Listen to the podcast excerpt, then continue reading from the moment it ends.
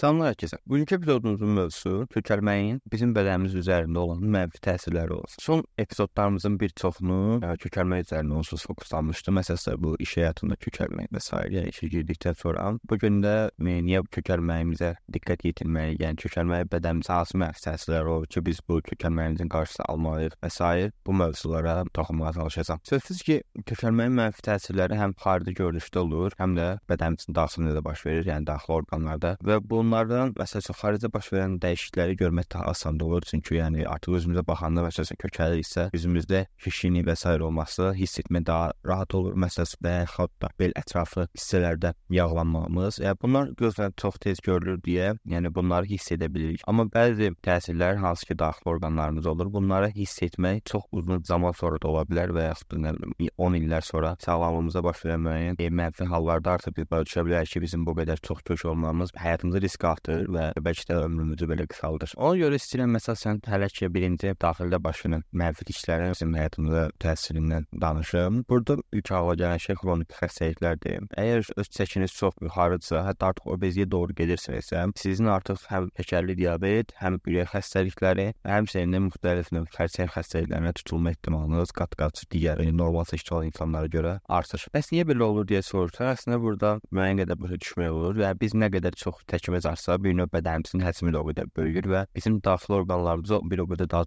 düşür ki, bu tür bədəni idarə edə bilmək üçün. Yəni ən əsasında bir şey yadda saxlamaq lazımdır ki, bədənimizin əsaslı prinsip olan əsaslanır ki, bizi bazarda qədər daha çox uzun müddət yaşatmaqdır. Yəni buna görə də biz nə qədər əslində kiçik həcmli olsa, o bədənimiz üçün daha effektiv olur ki, kiçik həcmi daşımaq daha rahat olur. Və buna görə də bədənimizdə çəkimiz çox olduqda artıq ürəyimizə və qan damar sistemimizə çox yük düşür, çünki bir növ qan damar sistemi də böyüyür bütün bədənin hər bir nöqtəsinə qan və oksigen daşımağa ehtiyacı yaranır. Həmçinin bu qanı da təzyiqlə vura bilmək üçün ürəyimizin də döyüntüsü və döyüntü tezliyi də olsun, həcmi də olsun daha da artır və bu da əlavə bir yük salır bədənimizin üzərinə əsas daxili orqanlarımıza. Bundan sonra isə keçmək istəyirəm sümüklərimizə. Sözsüz ki, bu qədər yuxarı çəkinin bədənimizə daşıyan şey sümüklərimiz olur. Süm əzəllər bədən aktiv, sümüklər isə bədənin passiv hissəsi sayılır. Hərəkətsiz olur sümüklər. Sadəcə əzəllərin hesabına hər sümüklər hərəkət edir və bu qədər yuxarı yüksək bir təzyiqi əzəllərdə əsasən də oraqlarımız üzərinə qoymaq sözsüz ki, oraqlarımızda problemlər əmələ gəlməsə də gətirib çıxarda bilir. Danışmaq istədiyim növbəti problem isə dəri problemləridir. Çünki yuxarı çəkidə olmaq dərimizdə də müəyyən problemlər yaradır. Bunlar əsasən sızalaqlar da həmçinin də.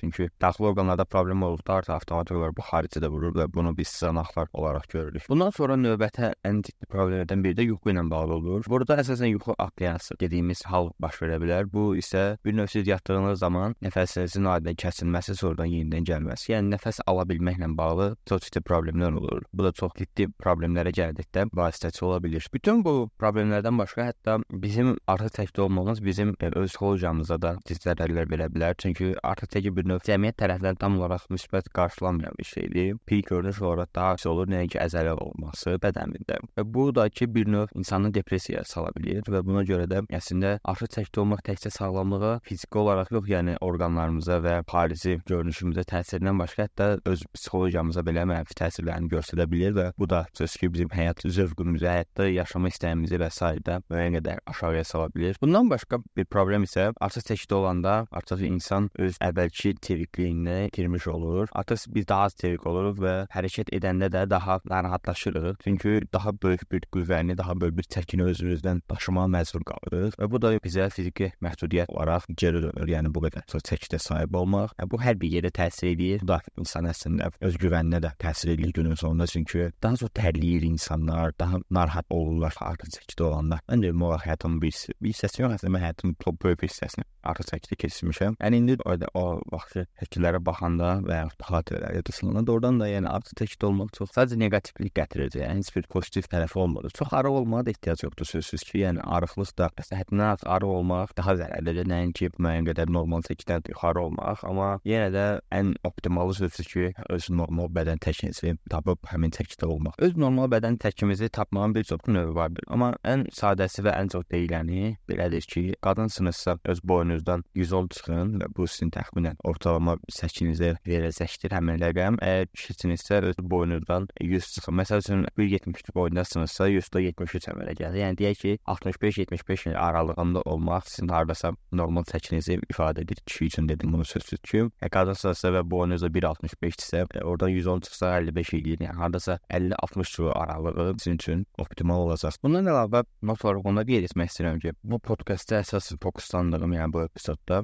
öz normal çəkilərimdən məsələn 10, 20, bəlkə 30 kiloya qədər yuxarı olan insanlar. Çünki həddindən artıq artıq çəki olmaq artıq bir obezlik sayılır. Yəni obezlik tamamilə başqa bir şeydir. Yəni burada artıq siz isti dietoloq olsun, həkim olsun, yəni, yəni bunlarla məsləhətləşib müəyyən işlər görməlisiniz. Çünki obezlik, yəni bu saydıqlarımın yəqin ki, bir neçə qatının bədəninizə verdiyi təsirdir. Yəni neqativ təsirdir. Yəni obezlik olmaq çox ciddi bir sağlamlıq problemidir. Yəni bunu not olaraq qeyd edin ki, yəni mən bu epizodda obez insanlar üçün, yəni onlara danmıram. Ümumiyyətlə bütün podkastlarım nisbətən normal çəkisindən yuxarı olan, normal çəkisindən aşağı olan, yəni heç bir sağlamlıq problemi olmayan insanların fokuslanır. Çünki günün sonunda ciddi bir sağlamlıq problemi varsa, mütləq məsləhətləşməli olduğunuz insan həkimlərinizdir və yaxud da psixoloqlarınız olsun, dietoloqlarınız olsun. Yəni bu işin professionallarıdır. Burada mən sadəcə öz təcrübələrimi və internetdən əldə etdiyim məlumatları sizlərlə bölüşürəm ki, əgər sizdə ciddi bir probleminiz varsa, bunu əvvəlcədən təxmin edə bilərsiniz və bunun qarşısını almaq üçün gedib həkimlərinizlə məsləhətləşərsiniz. Bundan başqa arıqlamaqla bağlı, sağlam həyatla bağlı bir çox epizodumuz vardı. Yəni onlara da baxıb əgər artıq çəkiniz varsa hazırda arıqlamaq üçün bir çox əlavə məlumatlar əldə edə bilərsiniz